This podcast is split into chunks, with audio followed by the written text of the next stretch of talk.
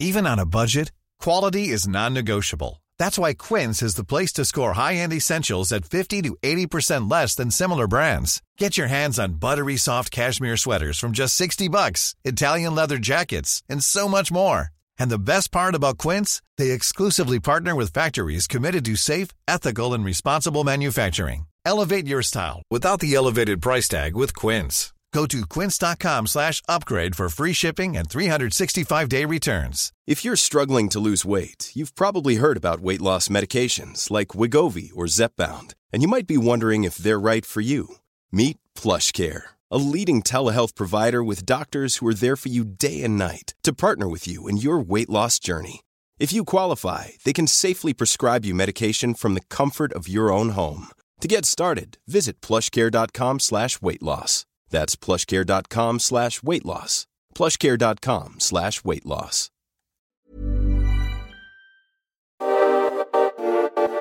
Du lyssnar på Brobacke Podcast. Varje vecka kommer jag ge min marknadssyn med fokus på pris, sentiment och makro. Välkomna!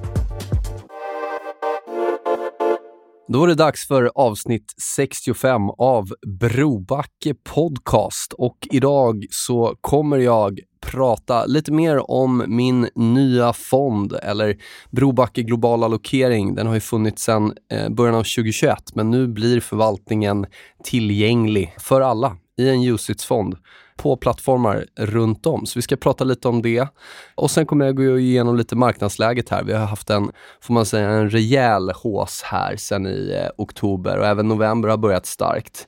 Så eh, titta lite på det. Intressanta flöden både i valutamarknaden, på räntor och titta vilka sektorer som visar styrka. Välkomna! Efter fem år på säljsidan som chefsanalytiker på CMC Market så var det äntligen dags i början av 2021 att eh, komma tillbaka till köpsidan och sätta igång min egna förvaltning igen. Jag hade ju de första fem åren i karriären eh, varit med och drivit en fond med en kollega och nu var det läge att faktiskt sätta igång och börja förvalta igen. Då. Och jag fick möjlighet att notera ett eget aktivt förvaltat index eller ett värdepapper på Luxemburg aktiemarknaden, Luxemburg Stock Exchange. Eh, och det här gjorde jag i mars 2021 tillsammans med Credit Suisse.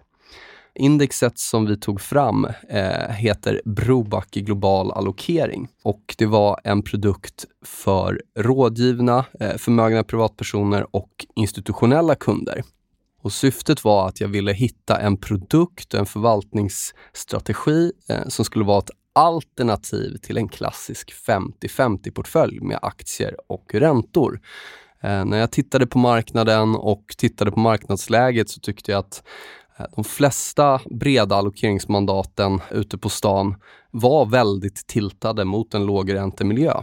Eh, och jag ville ge investerare ett alternativ som skulle funka i en, i en annan typ av eh, makromiljö. Då. Mandaten var fortfarande sådana att jag har möjlighet att ligga i aktier och räntor, men jag kan även ligga utanför aktie och räntemarknaden och till och med blanka aktie och räntemarknaden. Då. Strategin och, och produkten skulle ha en låg korrelation mot aktier och räntor över tid och det var en låg riskklass som efterfrågades av investerarna, det vill säga riskklass 3 och det kan jämföras med räntefonder. Volatilitet ligger på ungefär 5% i snitt. Då. Och om man jämför med börsen så ligger den på en volatilitet på lite drygt 20 då. Så indexet började handlas den 8 mars 2021 och eh, när jag nu jämför och summerar fram tills idag eh, och tittar på till exempel om man jämför med globala aktier, företagsobligationer globalt och statsobligationer så kan vi se att det här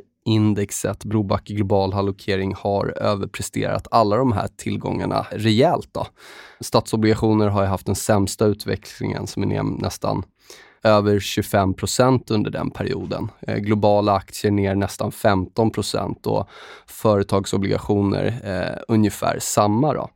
Eh, och det här indexet har lyckats generera en avkastning på lite drygt 7 procent på den tiden innan avgifter och då till en volatilitet på 5% Så skulle vi mäta det i börsens volatilitet så får man ta den avkastningen lite drygt gånger 4. Då.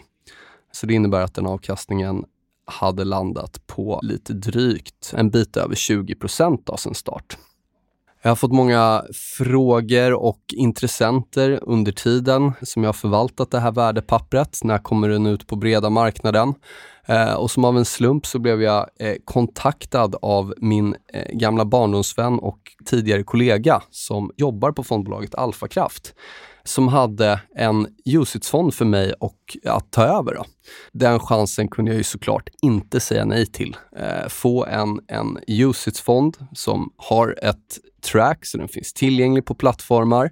Ett fondbolag som jag tidigare har jobbat med, som jag känner väl och vet att de är väldigt duktiga på det administrativa och kan trading. Har ju tidigare en, en lång bakgrund inom energitrading på 2000-talet och sen senare kvantitativa fonder eh, mellan 2010 och 2020. Då.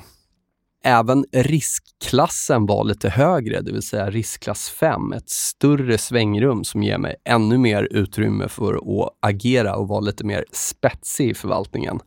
Även själva exekveringen eh, är betydligt bättre skulle jag säga än nuvarande index som jag förvaltar. Och vad menar jag med det? Jo, för att i den nya fonden så har jag möjlighet att exekvera intradara.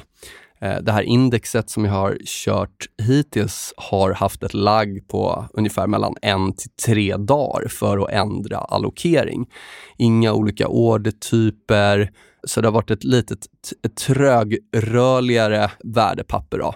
Ändå funkat bra, speciellt när man jämför med de här tillgångsklasserna som jag pratade om och framförallt också om vi jämför med breda allokeringsmandat på stan. Jag har inte hittat någon eh, modellportfölj eller brett allokeringsmandat eller strategifond som faktiskt är plus på den här perioden. Då. Men med det sagt så, den nya fonden har en, liksom en snabbare exekvering. Eh, jag har även möjlighet till att använda derivat och eh, det blir, blir ett lite snabbare och spetsigare djur. Så att det, det är otroligt kul att kunna få dela med sig av strategin och förvaltningen och det är roligt att kunna komma tillbaka när det är så pass många som har frågat och eh, velat investera.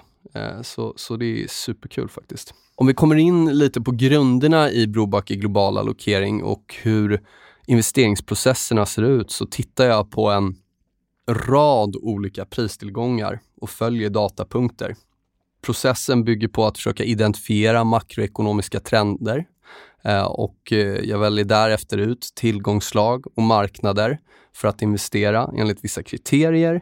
Otroligt stort fokus på riskkontroll och positionshantering då det är minst lika viktigt, om inte viktigare, än vad man köper och vad man blankar. Målsättningen då? Det här är en produkt som ska över tid leverera en betydligt bättre avkastning än det historiska snittet snittet för en 50-50-portfölj av räntor och aktier. Eh, och det snittet ligger på 5% per år. Men den här strategin ska leverera eh, betydligt bättre än så, mellan 10 och 15% efter avgifter och framförallt oberoende av marknadens utveckling, det vill säga låg korrelation till aktier och räntor. Så återigen, jag vill ge investerare ett alternativ till en klassisk 50-50-portfölj som ska leverera över den historiska avkastningen som en sån portfölj har gett, men ha låg korrelation till de tillgångsklasserna. I ett normalläge så kan fonden bestå av till exempel 50% obligationer och 50% aktier, men den kan också avvika signifikant om makroförutsättningarna ser annorlunda ut, som till exempel i år. Så som jag sa förut så kan jag till exempel välja att helt stå utanför aktiemarknaden eller jag kan vara kort aktiemarknaden. Eller eh, blanka obligationer eller stå utanför obligationsmarknaden. Då. Och eh, även möjlighet att uttrycka min marknadsmy via valutapositioner och även eh, derivat och råvaror genom ETF. Då. Så fondens förvaltning baseras på en global makrostrategi med låg korrelation mot aktier. Det vill säga fondens mål är att generera en avkastning oberoende av marknadens riktning. Och det uppnås genom aktiv positionshantering, genom en bred palett av underliggande tillgångslag. Eh, och det kan vara aktiesektorer, det kan vara räntor, det kan vara andra fonder, valutor och volatilitet. Och strategin eh, inkorporerar analys på data från globala och sektorbaserade aktieindex, men tittar också på datapunkter från global makro, alltså FICC, Fixed Income, Commodities och Currencies. Utöver det så tittar jag även på en kvalitativ och en kvantitativ sentimentsanalys som följer dels institutionella flöden med fokus på passiva strategier eller CTAs, risk parity, våldtaget-strategier, men kikar även på retailflöden. Hur positionerar sig kortsiktiga retailspekulanter till exempel? Och val av allokering sker genom min proprietära modell Eh, risk management och positionshantering är alltid prisbaserad, vilket gör att jag liksom tydligt kan definiera min risk-reward och implementera innan exponeringen är tagen. Fondens exponering eh, kan maximalt uppgå till 200% av fondens värde, eh, vilket ger ett extra svängrum och ökar liksom, möjligheterna till en, en bra sammansatt portfölj. Eh, och det görs genom derivat. Som jag nämnde i början så är namnet Brobacke Global Allokering och kommer till att början finnas på Avanza, eh, Fondo, Albcot och eh, inom kort även de flesta andra fondplattformar som finns där ute. Det är en så kallad Usits-fond, värdepappersfond och fondbolaget som jag samarbetar med, alltså Alfakraft Fonder. Och det är självklart en daglig likviditet och förvaringsinstitut och primebroker är SCB som jag jobbar med.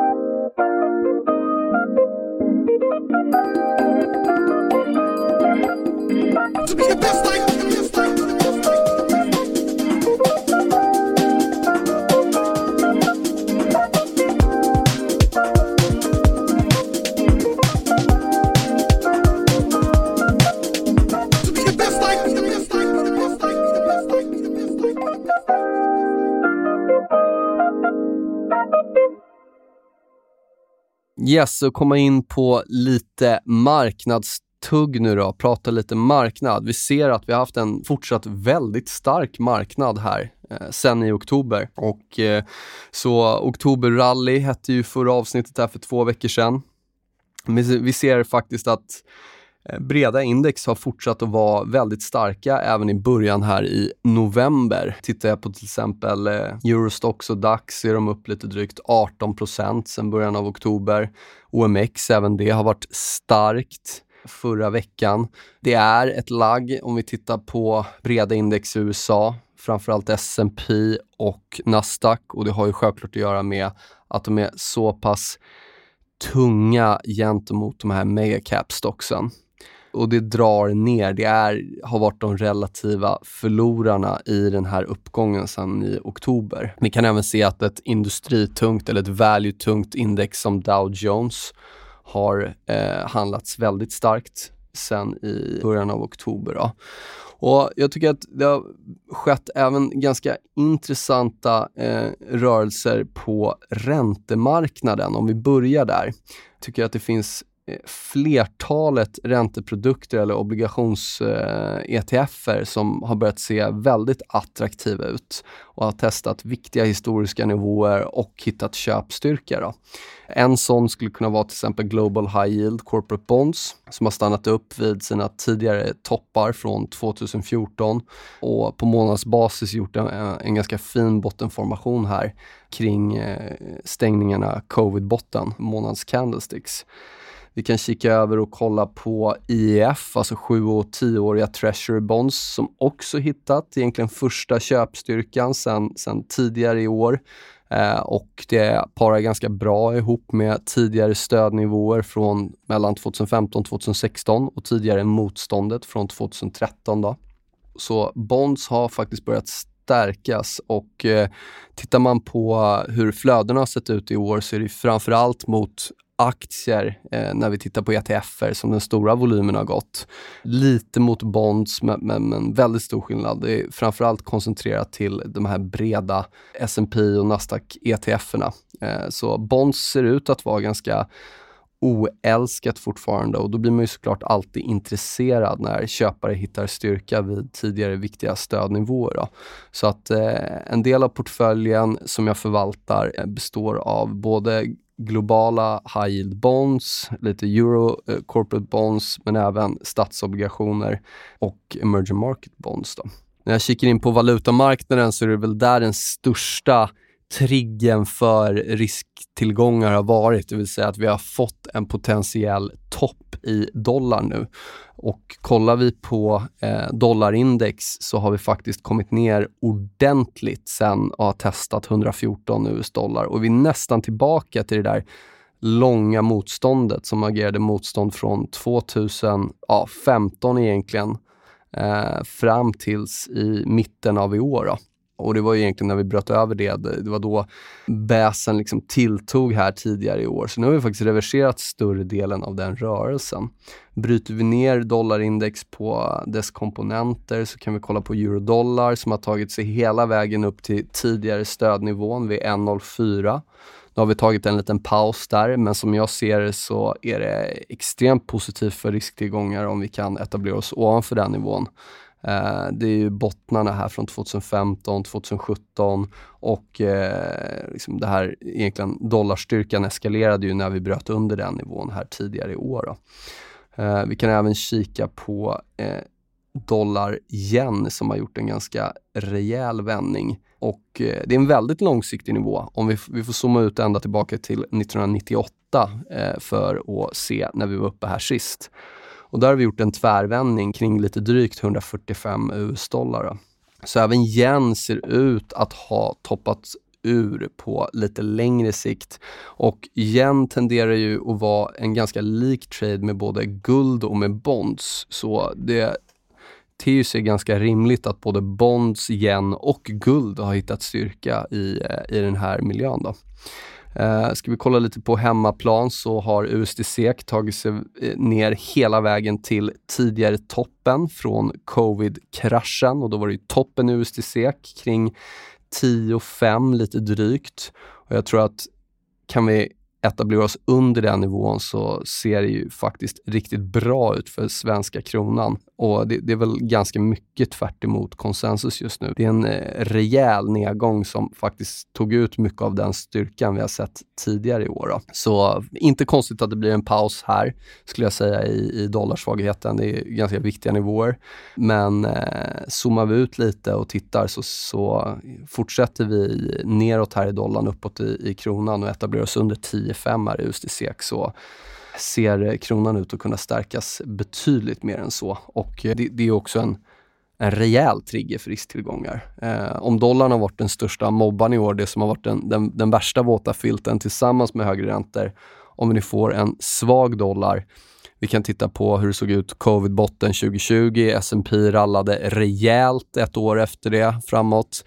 Vi kan ta samma scenario om vi tittar på hur det såg ut när dollarindex toppade ur slutet av 2016, då fick vi en rejäl uppgång även där på S&P eh, efter det.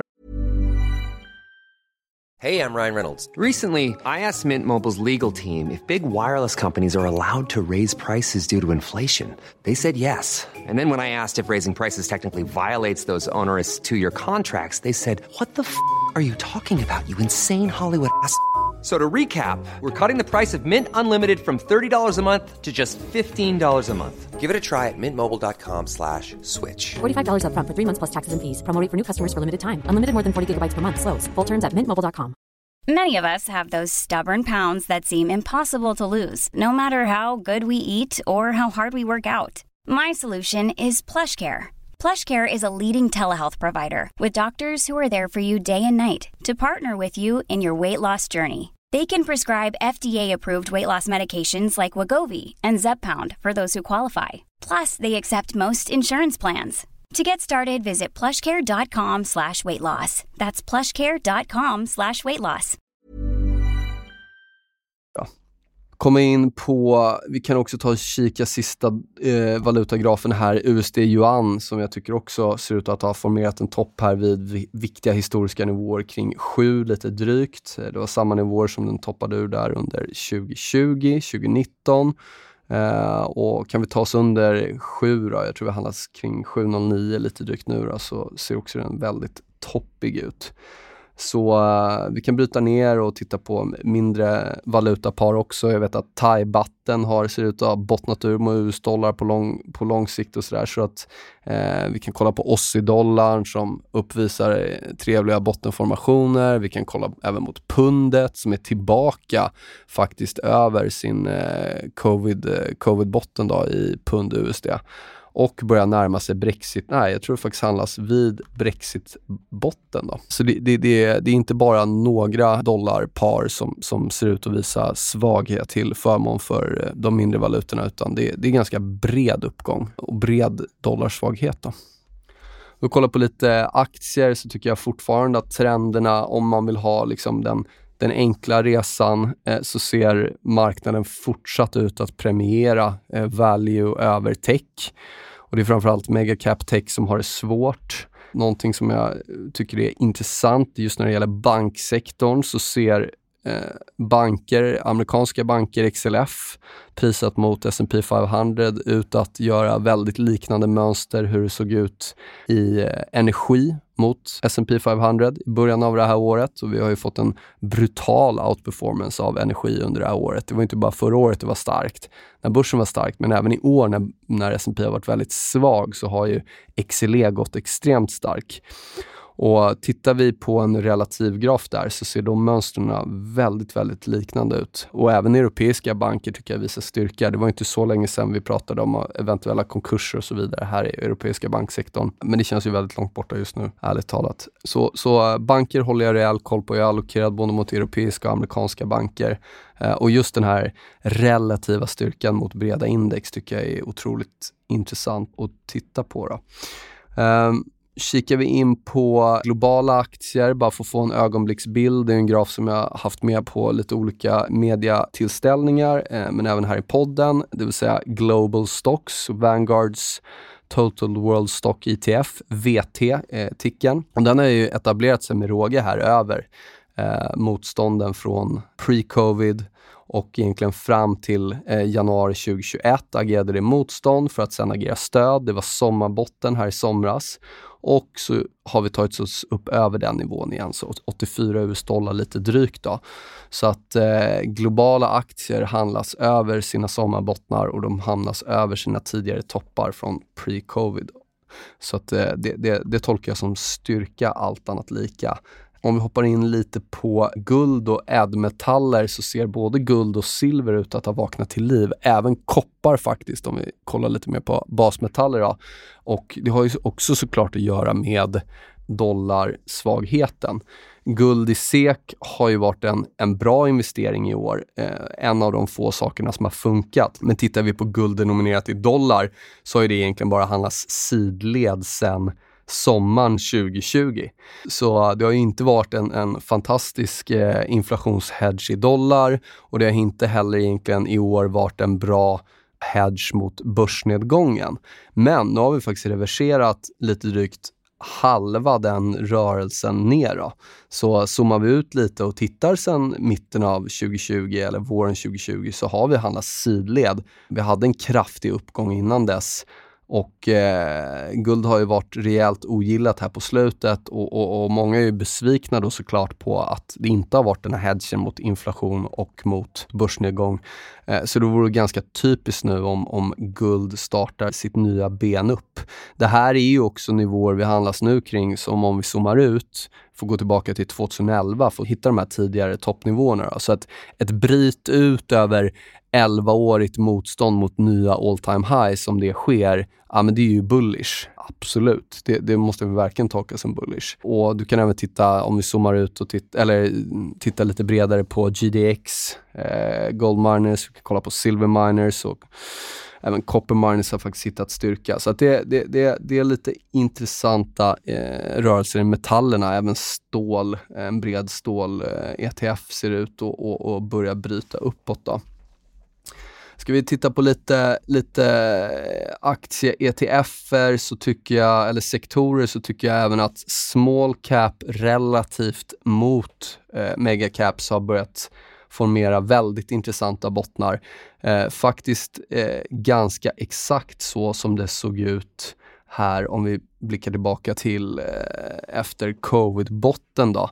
Det vill säga vi hade eh, två, tre år av outperformance av de här megacap techstocks eh, för att sen få en ganska lång bottenformation från egentligen våren 2020 fram tills eh, slutet av 2020 och sen började small caps outperforma rejält.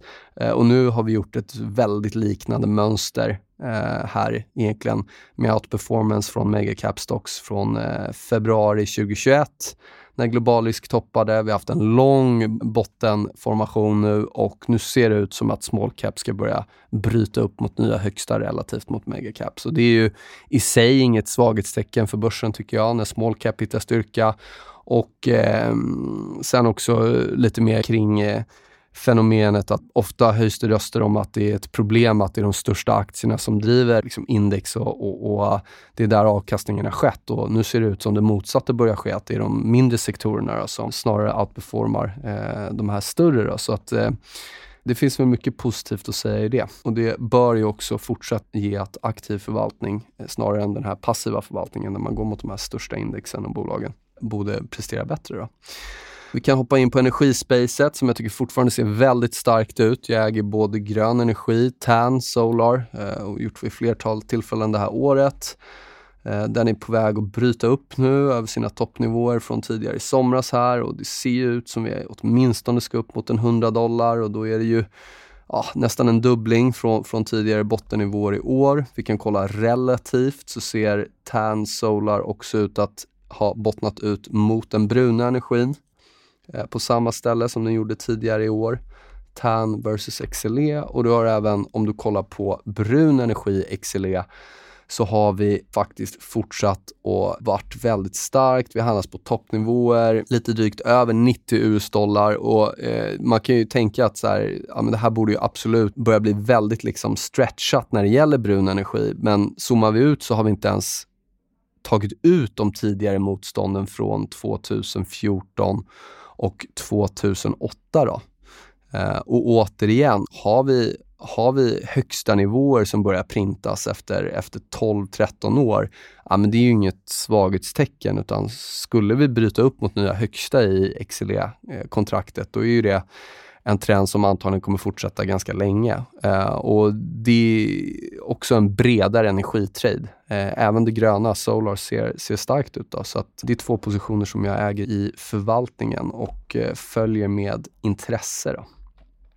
Kan även titta på, bryta ner på lite mindre kusinen där, XOP, Oil, Gas and Exploration, som också, även om det har haft en fantastisk uppgång de senaste åren och till och med ja, gått från vad är det, nästan 30 dollar till 100, 160 dollar lite drygt, så är den också uppe och testar motståndsnivåer som vi inte har sett sedan egentligen 2015.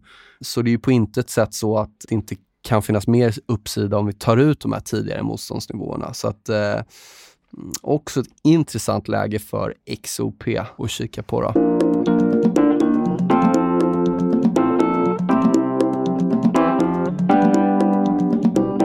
Sådär då, det var avsnitt 65 av Brobacke Podcast. Kul att ni lyssnade eh, och eh, får tacka för den här gången. Eh, vi tar en liten paus nästa vecka. Det är full fart, men sen har vi ett riktigt kärt återseende till Brobacke Podcast om två veckor. Jag håller lite på den så ni får, får suga på karamellen, men det ska bli superkul att välkomna en, en, ett välkänt ansikte till Brobacke Podcast. Eh, med det sagt, eh, ta hand om er och eh, ha det bra så syns vi och hörs vi. Ha det gott. Hej. Wherever I